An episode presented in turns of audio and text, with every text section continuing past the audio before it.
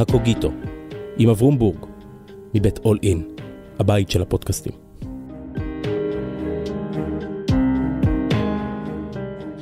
שלום, כאן אברום בורג. ברוכים השבים וברוכות הבאות לקוגיטו, אל ספריית הטקסטים של הישראלים. והיום עם אביגדור פלדמן, איש התכנים המשתרע מקרבות אולמות בית המשפט ועד הערעורים החכמים על המצב הקיומי המשתקף מהם. שלום אביגדור. שלום שלום אברום. היה לנו שיחה קצרצרה ותוך שנייה ננעלנו שנינו על טקסט שהוא אולי שלנו במובנים רבים. לגמרי. הטקסט של חנה ארנדט מלווה אותי, בואו נתחיל שוב. הספר של חנה ארנדט על אייכמן מלווה אותי אולי מגיל 16, קראתי אותו אולי חמש פעמים, לקראת שיחתנו, שבתי וקראתי בו. אייכמן בירושלים, אייכמן בירושלים, דוח על הבנאליות של הרואה. שאגב, חנה ארנדט בחליפת המכתבים עם גרשום שולם אומרת, אני המצאתי את המונח הזה, כי הוא אומר, זה מונח ש... שהאנטישמים משתמשים בו. היא אמרה, לא, אני המצאתי אותו.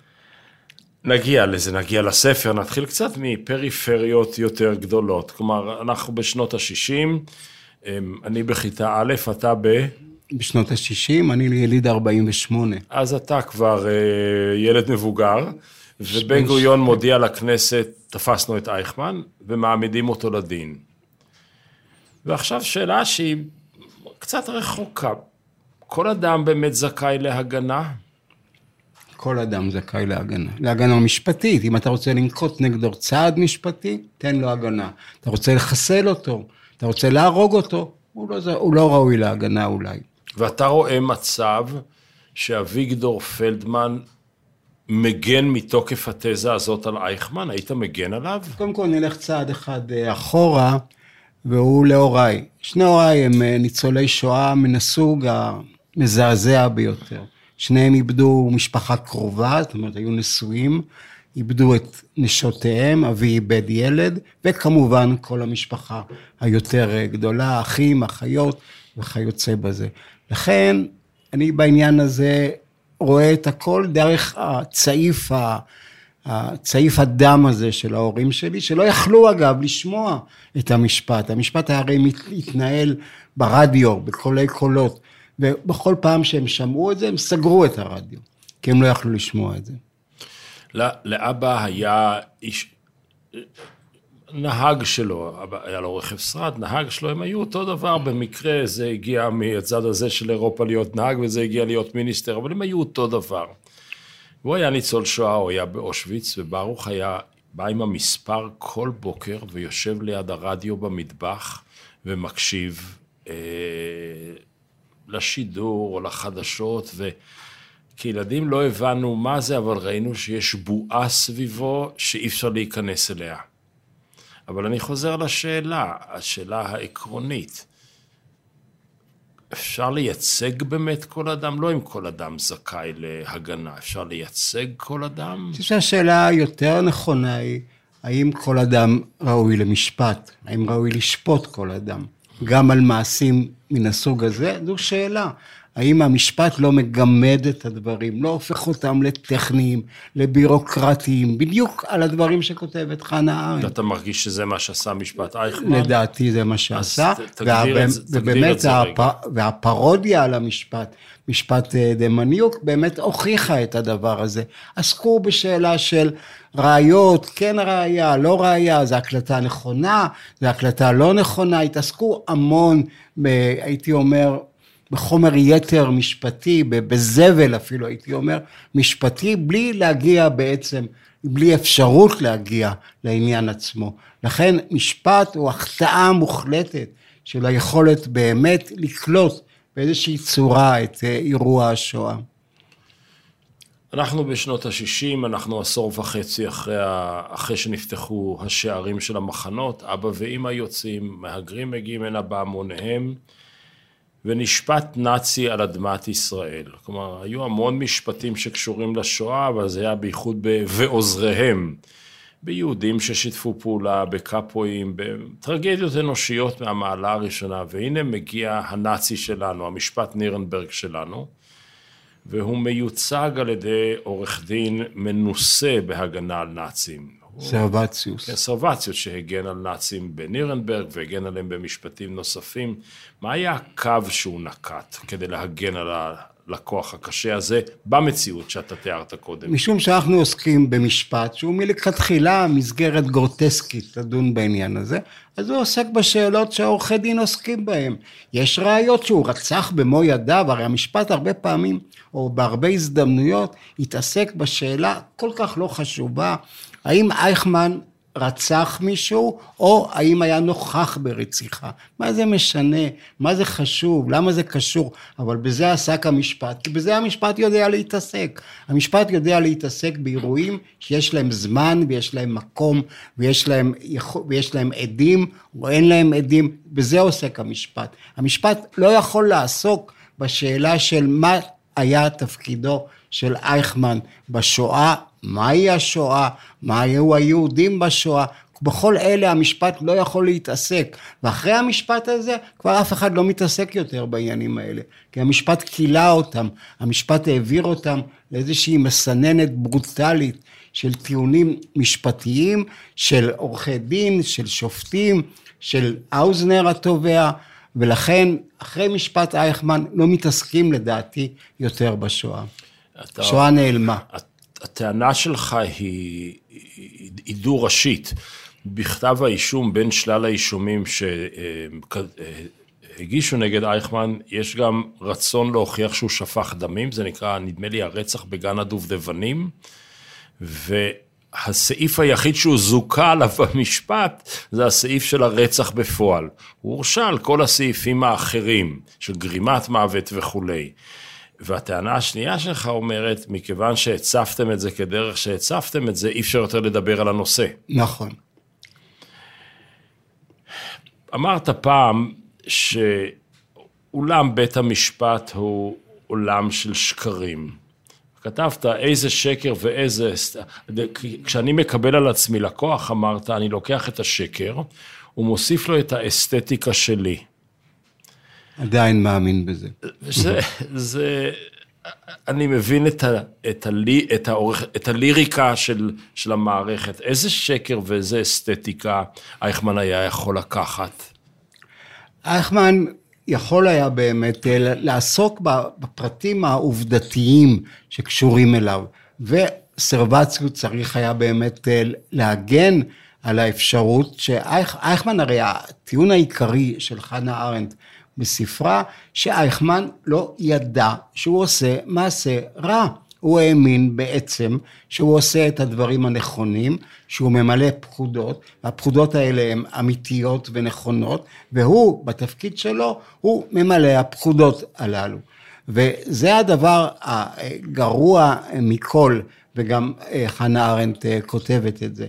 כי אז השאלה, מה האשמה האמיתית, המוסרית, האנושית, אני לא יודע מה, של אייכמן, ולא מה האשמה המשפטית, אין אשמה משפטית. משפטים אז, לא, אז לא, לא קובעים אשמה. אז עוד אשמה. לא הייתה נורמה של פשעים נגד האנושות, זה נולד רק יותר מאוחר. נכון, אבל עדיין, המשמעות הגדולה של השואה לא יכולה להיכנס לתוך אולם משפטים, אפילו לא בבנייני האומה, ולא בשום מקום זה אחר. היה בג'ר... מה שהיום ז'ראר בכר, זה היה בית העם. כן, דמיאניוק היה בבנייני כן, האומה. היא, היא כותבת, היא נשלחת, חנה ארנדט, נגדיר אותה לרגע, אינטלקטואלית יהודייה גרמניה, כמיטב האסכולה היהודית הגרמנית, שהולידה מתוכה את מרטין בובר ואת פרנץ רוזנצווייג ווולטר בנימין וגרשום שולם שהיה, גרהרד שולם שהיה, שלום שהיה חבר מאוד טוב שלה עד נקודה מסוימת.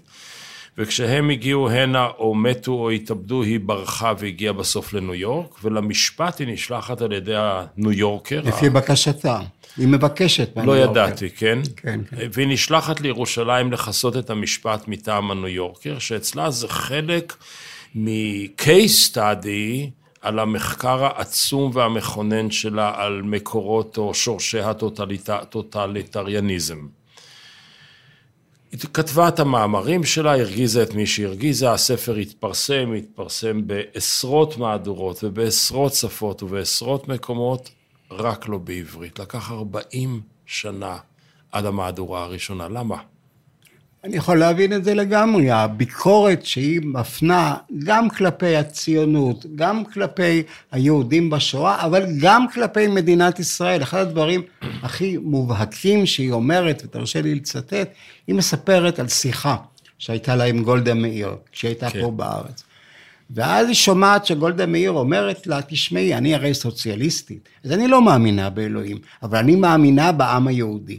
אומרת חנה ארנדט, ממש תופסת את הראש בתדהמה, איך אפשר להאמין בעם היהודי בלי להאמין באלוהים, אז מה נשאר אחרי שאתה לא מוריד מהמשוואה את אלוהים? וזה אחד הדברים הכי באמת, אה, אה, שמשכו אותי והכי הדברים שבאמת אימצתי לעצמי. אני מחייך ולא רואים את זה במיקרופון, כי זה רק אה, שמע. אגב, אה, השם גולדה מאיר לא מופיע בספר, לא מופיע בספר. לא. היא ביקשה אה, מגולדה מאיר אם היא יכולה לצטט אותה. גולדה מאיר אמרה, היא לא בדיוק זוכרת את השיחה הזאת, אבל בבקשה, אל תזכירי את שמי. איפה כותבת... זה כן מופיע? יש ספר של גרשום שולם שנקרא אה, דברים בגו, שזה קובץ של מאמרים מאוד חשובים ומעניינים שלו. ואחד מהם הוא מכתב תשובה לחנה ארנדט. לא כתוב מה השאלה, אבל הוא כבר עונה תשובה. לימים התפרסמו חילופי המכתבים ביניהם, ושם היא אומרת לו, הוא מאשים אותה שאין בה אהבת ישראל. נכון. אז היא אומרת לו, מה זה הנרקסיזם הזה? הרי כל העם הזה נולד כדי להביע את אהבתו לאלוהים.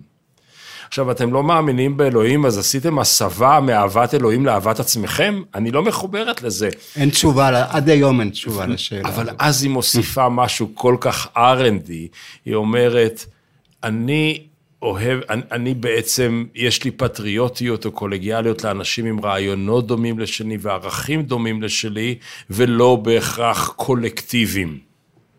שזה, שם זה חילופי דברים מאוד עזים ביניהם. אז היא באה, היא מכסה את זה עבור העיתון, כותבת את אשר כותבת, והממסד הציוני הישראלי, ואולי גם היהודי בחוץ לארץ, נבהל. ובורח ממנה להרבה מאוד שנים. למה זה נפתח בשנות התשעים? סיפור אחר. ויש משפט, ואתה טוען, ואני לא יודע אם אתה טוען את זה כישראלי, כדור שני, או כמשפטן, או ככל החבילה, שהמשפט במובנים רבים אולי היה מיותר. הוא מרדד את כל הסיפור, הוא מרדד. מה בכל זאת היו השיקולים כן ללכת לכזה טריבונל? מה, למה, למה הולכים לזה? קודם כל, זה, אני מניח, או יודע או לא יודע, שההחלטה היא של בן גוריון. החלטה שבן גוריון מחליט, בוא נעשה בארץ משפט גדול על השואה. הוא עצמו, אתה יודע, די אולי רדוף אפילו רגשי אשם משלו, ויש לו סיבות להיות רדוף ברגשי אשם, כאשר בעצם הממסד הציוני בעת השואה לא התעניין בה בכלל.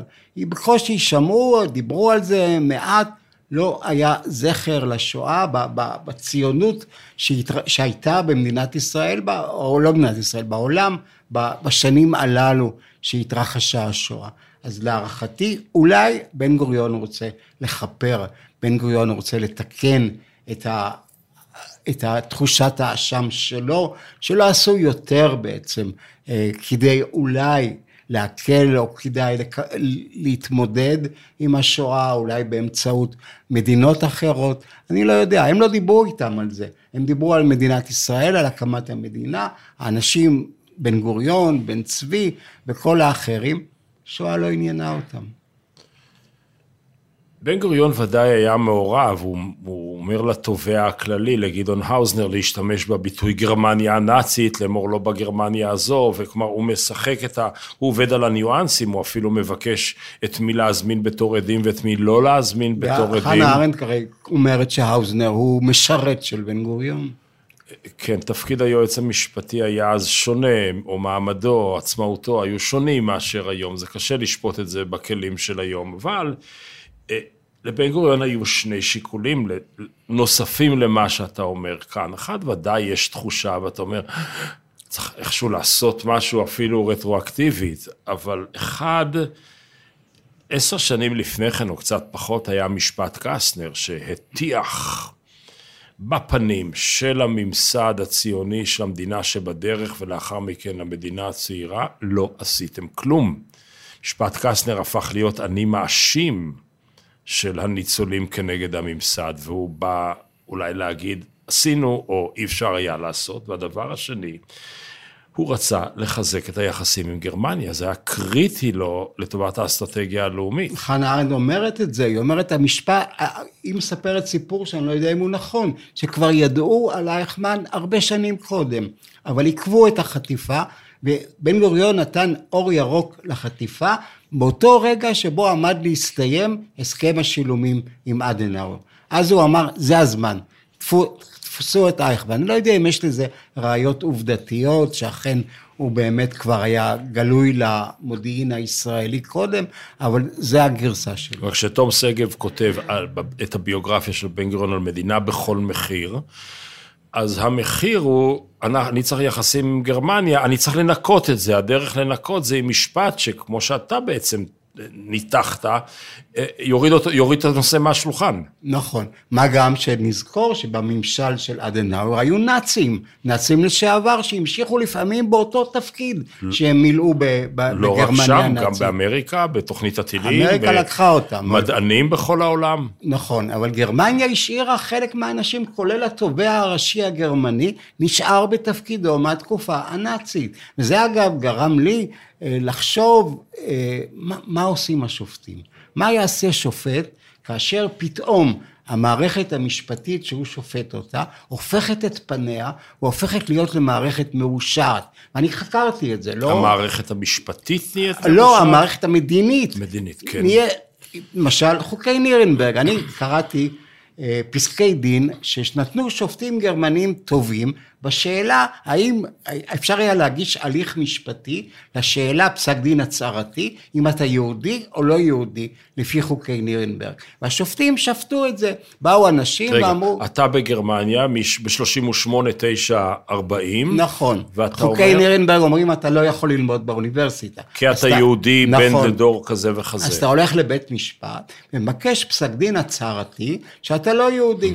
ואז בודקים את השושלת, אני לא זוכר מה היו הקריטריונים של חוקי נירנברג, אבל בודקים אותם בדיקה משפטית. אז אותו שופט ששנה או שנתיים קודם דן בשאלות של אה, האם גנבת או לא גנבת, האם אתה זכאי ל- לרכוש הזה או לא, המשיכו לשפוט באותו אופן גם בשאלה האם אתה יהודי או לא יהודי, בלי כאילו לק- לשים לב לשאלה מה משמעות ההכרזה. אם אתה מכריז עליו כעל יהודי, מה המשמעות הזו לגביו. ולכן בכל מערכות המשפט, למשל בדקתי ארגנטינה, ארגנטינה גם הפכה מדמוקרטיה לעריצות, לטוטליטריות. אף שופט לא התפטר. אף שופט לא התפטר. כמובן שההשלכות למדינת ישראל שאני עושה... להבדיל אלף אלפי הבדלות, מישהו התפטר פה על חוק הלאום? אף אחד לא התפטר. אז- אף אחד לא התפטר, אף אחד לא, לא אמר, תשמעו, זה בלתי אפשרי. זה בדיוק כמו הסיפור אה, שמספרים אותו על הטכניון, שאומרים להם, תתכננו מערכת צינורות שתוביל דם. והם מתכננים, אבל אף אחד מהם לא שואל, מה פתאום להעביר דם בצינורות? כי אתה לא שואל, אתה אומר, אני איש מקצוע, רוצים מערכת צינורות? נבנה אני- לכם. אני אבנה לכם. ולכן ה- ה- הייתי אומר, השנאה, לא שנאה, אבל יש לי בהחלט בוז לשופטים. בוז לשופטים. דווקא במשפט הזה, ודווקא ארנד מחמיאה על ההרכב, אמ, על, ה, על ההגינות בניהול המשפט.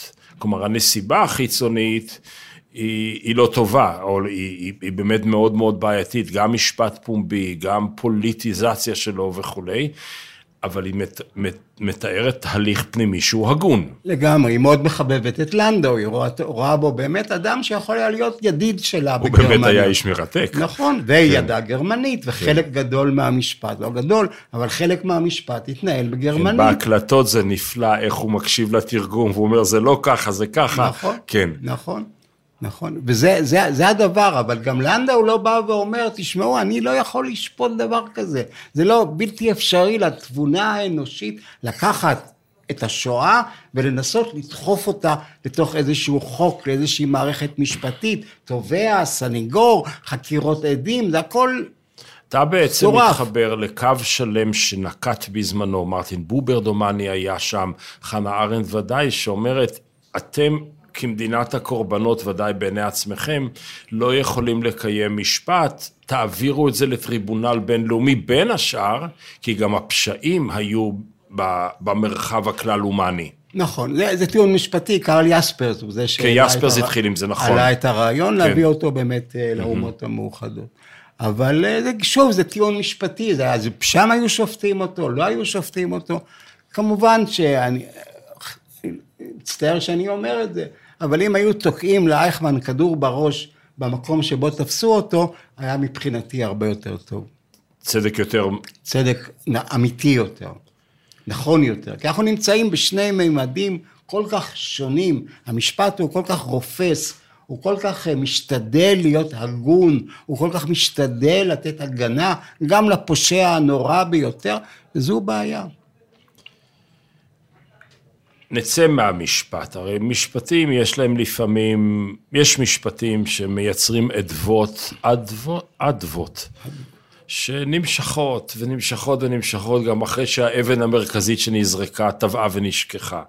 משפט בעצם התחיל את התהליך או העצים את התהליך של ישראל שמאמינה במודל שהשואה היא בעצם מתכונת החיים של יהודים בקרבו של עולם לא יהודי. העולם כולו נגדנו, כולם שונאים אותנו, אי אפשר לסמוך על אף אחד, רק אנחנו לעצמנו וכולי. זה משפט שעיצב לא רק תודעה של דור, אלא תודעות של דורות. אתה יכול להסביר לי מה, ש- מה אתה אומר? כן. ההיסטוריה היהודית בעיניי איננה היסטוריה רק של רדיפות. שחיים 2,600 שנה יהודים בעיראק, זה ככה וככה וככה, וכשמסעי הצלב נסעו באירופה, הם לא הרגו רק יהודים. אבל הייתה, היה אינטרס לתפיסת עולם היסטורית מסוימת שאומרת, מדינת ישראל היא הכרח כי רק כאן ייפתרו הרדיפות ההיסטוריות של היהודים, והנה תראו הייתה לנו שואה. אהוד ברק אומר באושוויץ כרמטכ"ל, סליחה, הגענו 50 שנה מאוחר מדי. רגע, אבל לפני 50 שנה לא הייתה מדינה, אז לא יכולת לבוא. אבל התודעה שהמשפט בעצם יצר פרהסיה, שהמדינה היא הכרח כי היא התשובה לשואה. אני לא, לא מקבל את זה, אני לא חושב okay. שזה, שזה מה שעולה מהמשפט. עולה, מה שעולה מהמשפט הוא קודם כל הנרדפות היהודית בכל מקום אה, בעולם, ואני לא רואה במשפט באמת אמירה שאומרת, אילו הייתה קיימת אז מדינת ישראל, אילו היהודים היו מתכנסים לכאן, אז הם היו ניצלים מהגורל הזה. זה לא נכון, וענקי הרוח באמת שפעלו בעניין הזה בגרמניה, חנה ארנדט ובובר ושולם וכל האחרים, הם גם לא חיבבו במיוחד את מדינת ישראל שקמה לפניהם. בובר, ובובר היה גם נגד עונש המוות שהוטל על אייכמן, אבל הם ראו במדינת ישראל מדינה קיצונית, מדינה ששאבה לתוכה כל מיני ערכים כמעט הייתי אומר פשיסטיים. הם פחדו מרעיון הלאומיות נכון, בביטוי המקומי שלו. נכון, שוב, אותו, חוזרים לאותו אבסורד של חנה ארנדט, מדינה יהודית בלי אלוהים. אין מדינה יהודית בלי אלוהים. או שיש אלוהים, אז יש מדינה יהודית, אין אלוהים, מה שווה המדינה? מי צריך מדינה יהודית? אתה, אתה שואל את שאלתם או שואל את שאלתך? אני שואל את שאלתי, אני לא יודע. אני, אני גדלתי כ... אני בא מצאצאים של הרבי מקוצק ואחרים, ומשפחה שהייתה מאוד דתית, אחרי השואה הוריי התפקרו לגמרי כמובן, עדיין קרובי משפחה שלהם שחיו בארץ המשיכו את ה... כאלה שהגיעו לישראל לפני השואה, המשיכו מסורת דתית. לכן אני אומר לעצמי, המדינה הזו שקמה, היא לא המדינה היהודית הנכונה והאמיתית שצריכה הייתה לקום. ומה, ולא היום, זה, זה, זה, זאת סמטה בדרך הראשית, בדרך, ב, ב, בארן בולווארד שאנחנו צועדים בה, אבל מה המדינה ליבא דאביגדור פלדמן? אני אומר, אנחנו נוסעים באופן בטוח למדרון שקשה לי אפילו לחזות למה הוא עלול להוביל אותנו.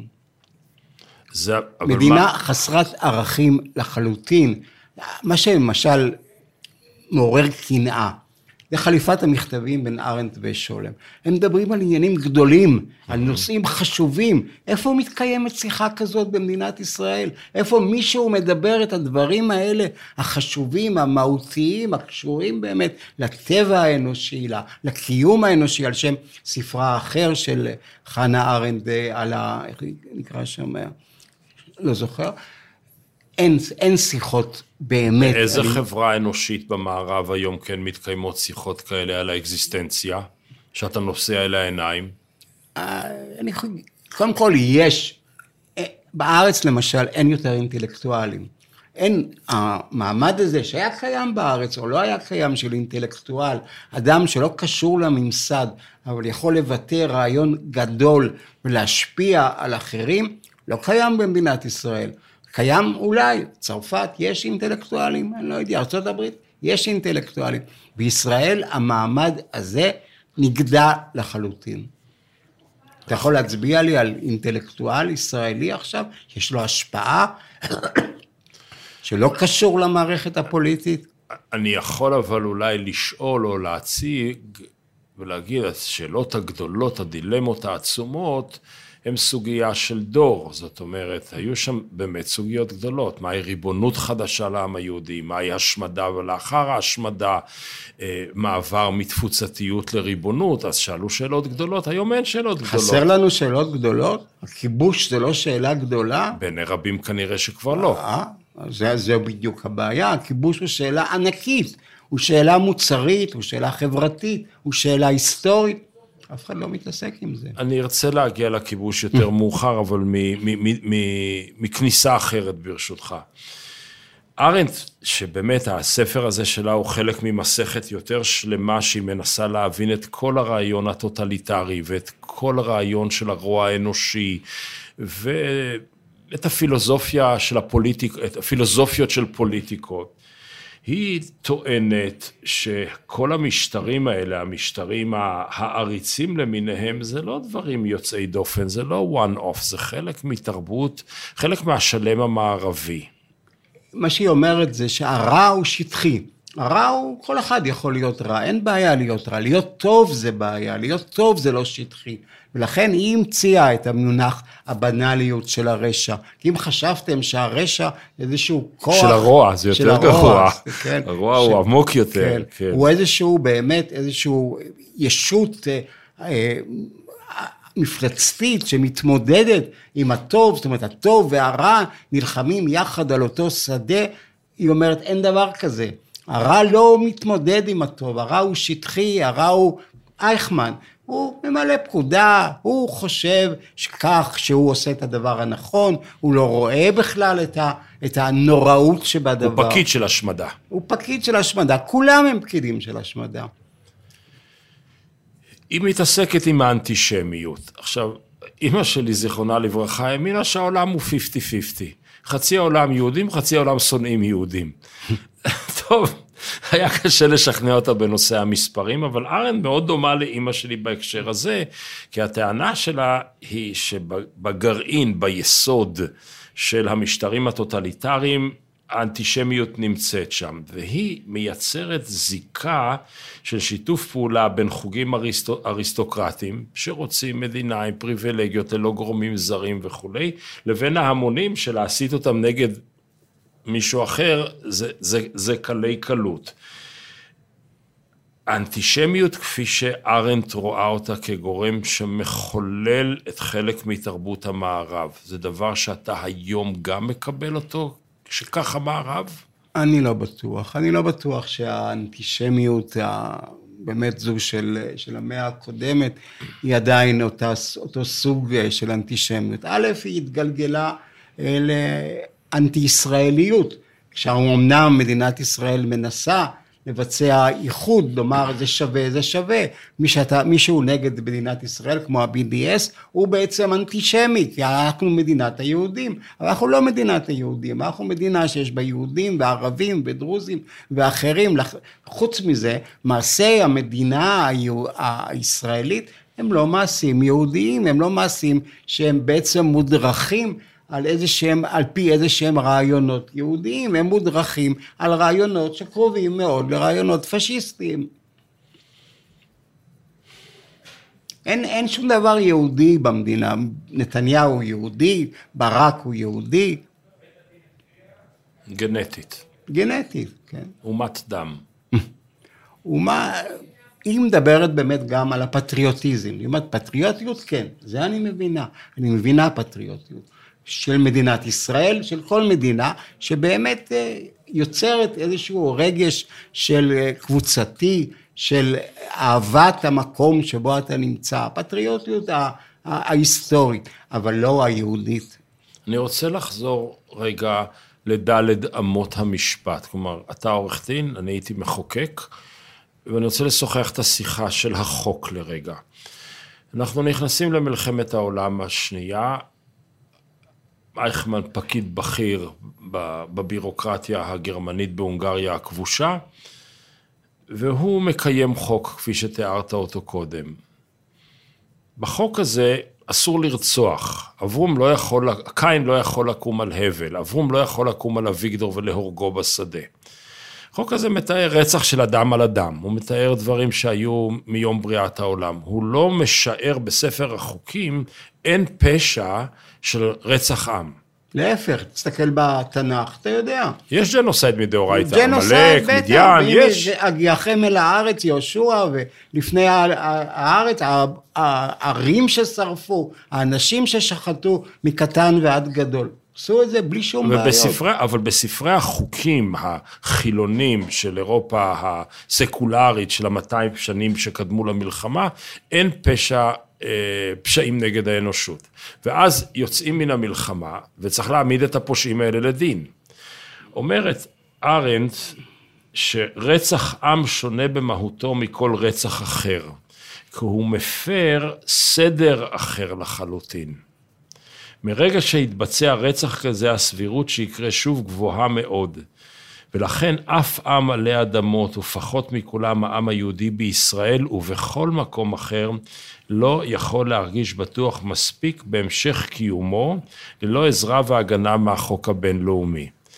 היא אומרת, אתם לא מוגנים גם שיש לכם צבא, ואני אשאל את אביגדור, הקולגה הישראלי שלי, האם אנחנו מוגנים מלהיות משמידים? היא מפחדת שנהיה מושמדים, אבל להיות משמידים? אנחנו לא מוגנים מלהיות משמידים. מה גם שהמסורת שלנו, זוכר את עמלק, זכור אשר עשה לך עמלק. מי שם... אה, מי נענש על זה שהוא לא הרג את כל העמלקים שהיו בעצם צריכים... שאול? ל... שאול, המלך. נכון, נכון.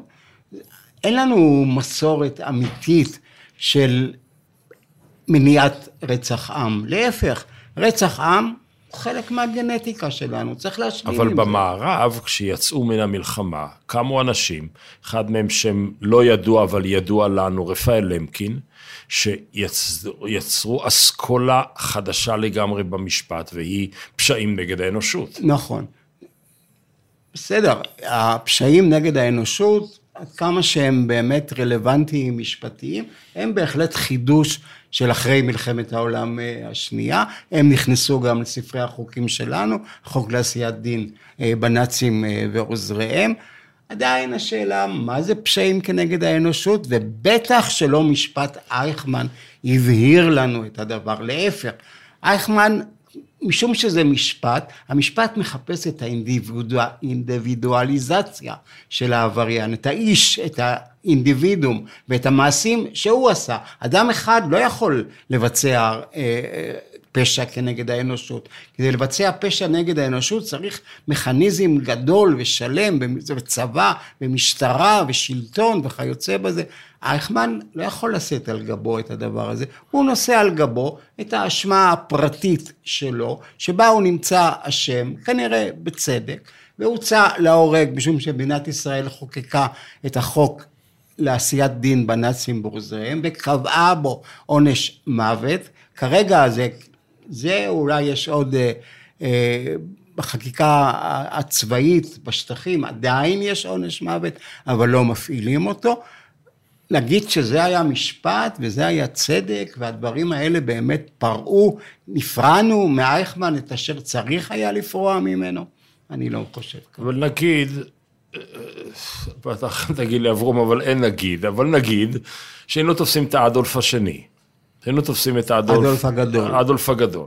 והיינו מביאים את אדולף אה, היטלר למשפט בארץ, והוא היה אומר, חבר'ה, מה אתם רוצים? כשאני התחלתי את המלחמה, לא היה חוק שזה אסור, אז, מה, אז אם אין חוק, אז זה מותר. המצאתם חוק אחרי המלחמה, ועכשיו אתם שופטים אותי רטרואקטיבית, זאת חקיקה פרסונלית, הוא יגיד. לגמרי. לגמרי. זה גם מה שאייכמן טען, זה גם מה שסרבצקוט טען, שאין סמכות לבית המשפט בישראל לשפוט את אייכמן. אין סמכות עניינית, אין סמכות מקומית, אין סמכות אחרת, ואז אמרו לו, לא, אנחנו נציגי העם היהודי. מה זה נציגי העם היהודי? מי שמכם להיות נציגי העם היהודי להיפרע אה, מאייכמן?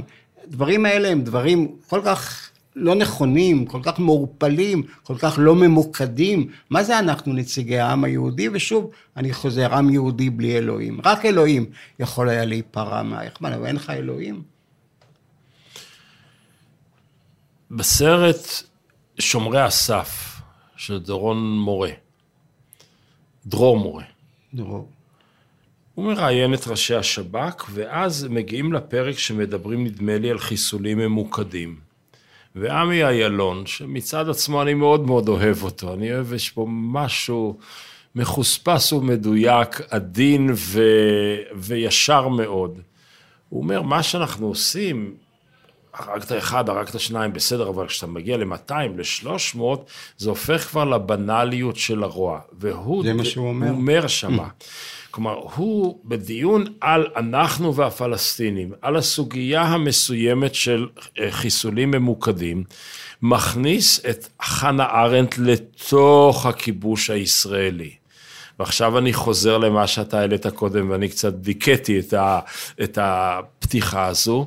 האם מה שאנחנו עושים לפלסטינים זאת בנאליות של הרוע. לא חשוב איזה תוצאה, אבל התהליך, הפרוסס. אז בואו בוא נראה קודם כל דבר אחד שחנה ארנדט כותבת אותו וחוזרת עליו, וזה השפה.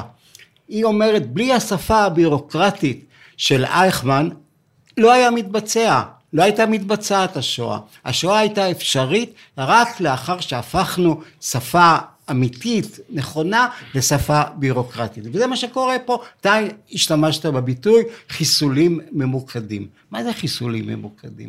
זה אתה הולך והורג מישהו, רוצח מישהו אם תרצה, וקורא לזה חיסולים ממוקדים. עכשיו גם, כתבתי את זה רק בשבוע האחרון, שמתברר שה... הבינה המלאכותית, ה-AI, מסייעת בחיסולים הממוקדים בזה שהיא מאתרת את היעד לחיסולים ממוקדים וממליצה איך לחסל אותו. אני יחד עם מיכאל ספרד הגשנו בג"ץ לפני הרבה שנים נגד חיסולים ממוקדים, לקח לברק נדמה לי שנתיים לכתוב את אה, פסק הדין, בסוף הוא כתב אה, משהו מאוד אה, מעורפל, אבל הוא מתיר חיסול רק בתנאי שהמחוסל באמת בדרכו לבצע איזושהי פעולה שיכולה להסב מוות או פציעות חמורות. הוא לא מאשר חיסולים שיש, שאין להם קשר בעצם עם פעילות עכשווית, אלא עם טענה שהאיש היה מעורב בזה או, ב, או בדבר אחר. עכשיו, מי היה מגיש בג"ץ נגד חיסולים ממוקדים? זה כל כך נטמע בתוך השפה, בתוך התרבות שלנו, שזה נראה מובן מאליו. כמו שלאייכמן נראה מובן מאליו שצריך לפתור את, את בעיית היהודים, שצריך תחילה אולי להעביר אותם למקום אחר, וצריך אולי בסופו של דבר גם להרוג אותם, וצריך גם לטפל בפסולת, בגופות, צריך לשרוף את הגופות. כל אלה נראו לו טבעיים לגמרי, הם משתלשלים בדיוק מאותו דבר של הצורך הבירוקרטי לפתור את בעיית היהודים על ידי העברתם, או אפילו מוקדם יותר. הרי זה התחיל, כל הסיפור השואה התחיל במוות מתוך רחמים. זה הדבר הראשון שהיטלר אה, הורה אותו, ואז התחילו להרוג מפגרים אה, ואחרים, וזה, אז פתאום המוות, הרצח, הפך להיות לאפשרי, לטבעי. הנה יש לנו אדם מסכן, אדם חולה, אדם מפגר בשכלו, אנחנו נהרוג אותו מתוך רחמים. וברגע שהכנסת את המוות לתוך התרבות שלך, ואפשרת לעצמך להרוג, ובנית סביב זה סביבה לשונית מתאימה ומלאה, אז השואה התאפשרה. איזה ועומ- עוד מילים כאלה יש בהקשר של הבנאליות של הרוע הציוני, ישראלי, פלסטיני? איזה עוד מילים מכובסות כאלה למשל, יש? למשל, האיסור, כמעט האיסור המוחלט להשתמש במילה כיבוש. אמרת כיבוש, בעצם סימנת את עצמך כעוכר ישראל, כבוגד, לא מדברים על כיבוש, מישהו מדבר על כיבוש, מישהו מדבר על, על הסיטואציה שבה ילד, לא ילד, היום הוא בן חמישים ומשהו שנולד נגיד ב, ב, באזור בשטחים, לא ראה יום אחד של חופש מימיו, לא ראה אפשרות ללמוד, לרכוש מקצוע, להתפתח, אתה לקחת שני מיליון אנשים, דרכת עליהם ולא אפשרת להם להתפתח. ואף אחד לא אומר את זה, אף אחד לא מדבר על זה. מישהו מדבר על כיבוש עכשיו? אף אחד. אז אם נלך, חוץ מגדעון לוי. ועוד כמה, היה בשבת, היה, אמ, הייתה צעדה מאוד מאוד מרשימה בתל אביב, של מאות יהודים וערבים. נכון. אמ, שכן, אומרים את הדברים במפורש, לא מספיק וכולי, אבל הרמץ, עוד קיים. אבל אני, לא- אני אקח את זה עכשיו חזרה אל הזירות הציבוריות משפטיות. אם עמי אילון צודק, ואתה טוען שהוא צודק, שיש ביחסים בינינו לבין הפלסטינים שפה שלמה של בנאליות של רוע ורשע. זה ייגמר בסופו של דבר במשפטים בינלאומיים? עלול. מתישהו? עוד... עלול, עלול לגמרי. הרי כבר עכשיו אנשים, הצבא חושש לשלוח אנשים למדינות כמו אנגליה, שאפשר לעצור אותם ולשפוט אותם למקומות אחרים, והדבר הזה בהחלט מקרב אותנו למצב שבו אנשים, ישראלים, מפקדים, פוליטיקאים, עלולים להישפט בפורומים בינלאומיים או בפורומים לאומיים אחרים על עבירות של פשעים כנגד, כנגד האנושות, האנושות הפלסטינית. על האנושות הפלסטינית, כן. ואף אחד לא מדבר על זה, אף אחד לא חושב על זה. ולו יצויר שמחר בבוקר בהאג, כי בתי המשפט בהאג כן נובעים נכון. בסוף בעומק ההיסטורי שלהם ממלחמת העולם השנייה, מנירנברג ומרפאל למקין האמור, ופשעים נגד האנושות, יהיה משפט כזה, ואני היום אה, אקבל כתב, אה, כתב הזמנה לבית המשפט, אישום. כתב אישום, ואני אבקש מאביגדור פלדמן לייצג אותי, איזה שקר ואיזה אסתטיקה אתה תיקח כדי להגן עליי. בתור ישראלי. או, זה אתגר, זה אתגר. בוא נחשוב עליו קצת. קודם כל, אבל- יש אגב, אה, דע לך שיש ישראלים שפועלים במסגרת בית המשפט הבינלאומי בהאג, כתובעים, וגם כסניגורים. אה, מכיר עורך דין אחד שייצג, אה, לא זוכר את מי, אבל מישהו מאפריקה, נדמה לי, שבאמת הואשם אה, ברצח עם, והוא הגן עליו. בתור סוג של אה, סנגור ציבורי? כן, כן, יש להם, אוקיי. סנג... שם כל הסנגורים הם ציבוריים, בית המשפט אה, מממן אותם, ומנהל, והמשפט אגב מתנהל באמת ב... על פי הדין, על פי כמו משפט אייכמן, יש לך סניגור, יש טיעונים לכאן ולשם, ויש פסק דין אה, בסופו של דבר. איך אני אצליח אה, לייצג אותך, אה, בית המשפט אה, בהאג, אה, תהיה משימה מאוד קשה, מאוד מאוד קשה. אני צריך למצוא איזשהו נרטיב נגדי לנרטיב שמשליכים נגדך, נרטיב שכולל מילים כמו כיבוש, כמו רצח, כמו רצח, לא רצח עם, אני לא יודע, אבל רצח קבוצתי. אני מתקשה כרגע לענות לך. ואולי אתה תגיד, אולי אתה תגיד, אברום היה רק פקיד קטן, ואי אפשר לעשות כיבוש כזה על ידי אדם בודד, ואני רק מילאתי פקודות? אני מניח שזה אפשרות, אבל כנראה שהייתי בוחר יותר באפשרות של הגנה עצמית. בטענה שאולי הפעולות הללו שעשית, הן פעולות שהן נכנסות למסגרת הגנה עצמית. מה שאייכמן לא יכול... זה אתה יכול להגיד על חייל, אתה לא יכול להגיד על מתנחל שנישל.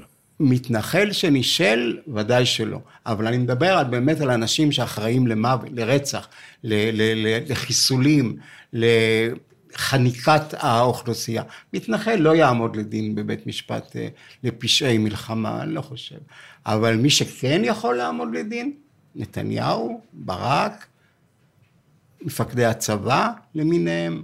אתה רואה את זה כאפשרות לא בלתי סבירה. לא רק שהיא לא בלתי סבירה, יש כתבי, יש עכשיו חוקרים של בית המשפט הבינלאומי לפשעי מלחמה, שחוקרים פשעים ישראלים, עוד לא הגיעו לכתב אישום, עוד לא הגיעו להגשת כתבי אישום, אבל יש תובעת שהייתה פה בארץ, אה, שכחתי את שמה, שרצתה לראיין את אה, אריאל שרון ואחרים, לא נתנו לה כמובן, כדי לשמוע את גרסתם, כמובן שאף אחד לא שיתף איתה אה, פעולה, באמירה שהנה זה הכל אנטישמיות, זה הכל מגיע מאיזשהו רגש אנטישמי, גם הייתה שחורה למיטב זיכרוני, ואפילו פגשתי אותה לאיזה זמן קצר, אבל גם לא במיוחד שיתפתי איתה פעולה, מתוך איזושהי סולידריות.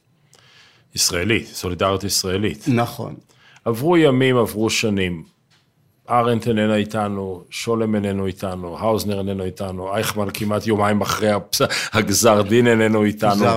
מרטין בובר איננו איתנו, אפילו, במיוחד בעבורי, אבי מורי, זיכרונו לברכה, שיחד עם אשכול הצביעו בעד החנינה ונגד אה, תלייתו. ואז אתה שואל במרחק הזמן, מי צדק? בן גוריון או ארנט? ארנט צדקה. במה? ארן צדקה בזה שהיא הבינה לאן העניין הזה הולך. ויש אצלה בספר גם נבואות או הבחנות שקשורות למדינת ישראל, שמנבאות לה עתיד רע, עתיד של מדינה קנאית, בלי אלוהים, מדינה שהיא עוסקת רק בלאומיות, עם הנחה שלנו מותר הכל.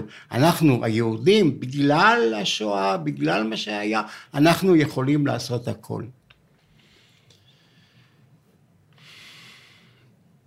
הספר הוא מפתיע, כי הוא ביקורת מבנית עצומה על ישראל, על התפיסות שלה, על מערך המשפט הנוכחי וכולי. ב-63 כבר. כן. ובדבר אחד, הוא הפוך לגמרי לכל מה שכתוב בספר, וכך היא, היא נועלת אותו. בדיוק כשם שאתה, אתה אדולף איישמן, תמכת וביצעת מדיניות של סירוב לחלוק את האדמה עם העם היהודי ועם בניהן של כמה אומות אחרות. כאילו שלך ולממונים עליך הייתה זכות כלשהי לקבוע למי מותר ולמי אסור לשכון בעולם.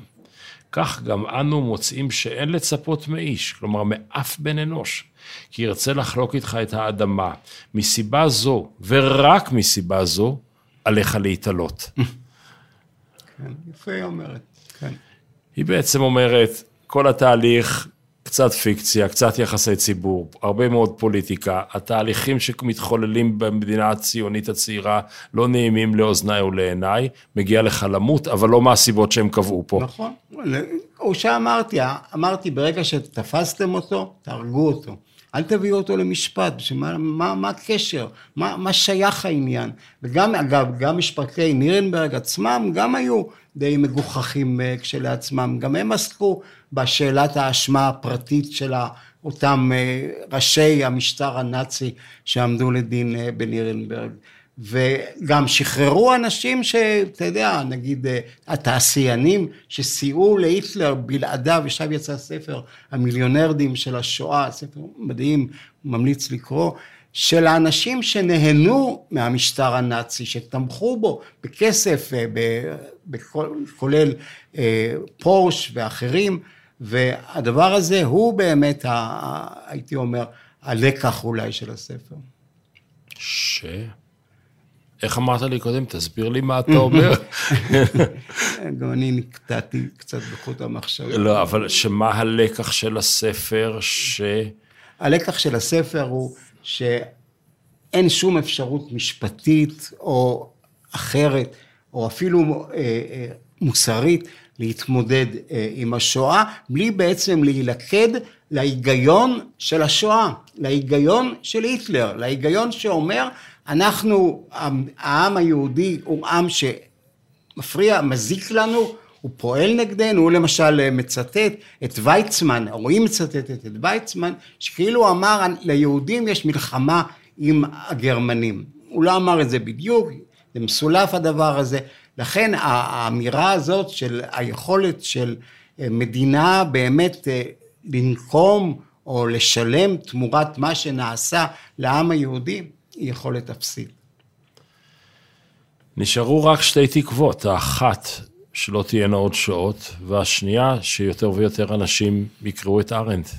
אגב, שלא תהיינה עוד שעות, יש כל הזמן שעות. יש בסודאן עכשיו שואה, יש בעוד מדינות אה, שואה, ואף אחד שוב לא, לא, לא נוקף אצבע, לא... לא ב-33 לא... אייכמן, אה, היטלר צוטט כאומר, מי זוכר היום את שואת הארמנים? יפה. וישראל לא רק שהיא לא זוכרת, היא משכיחה בשלב מסוים, אני לא יודע מה המצב עכשיו, אבל אסור היה להזכיר את שואת הארמנים. הזכרנו. אביגדור פלדמן, תודה רבה. תודה, נהניתי. סבלנו. סבלנו.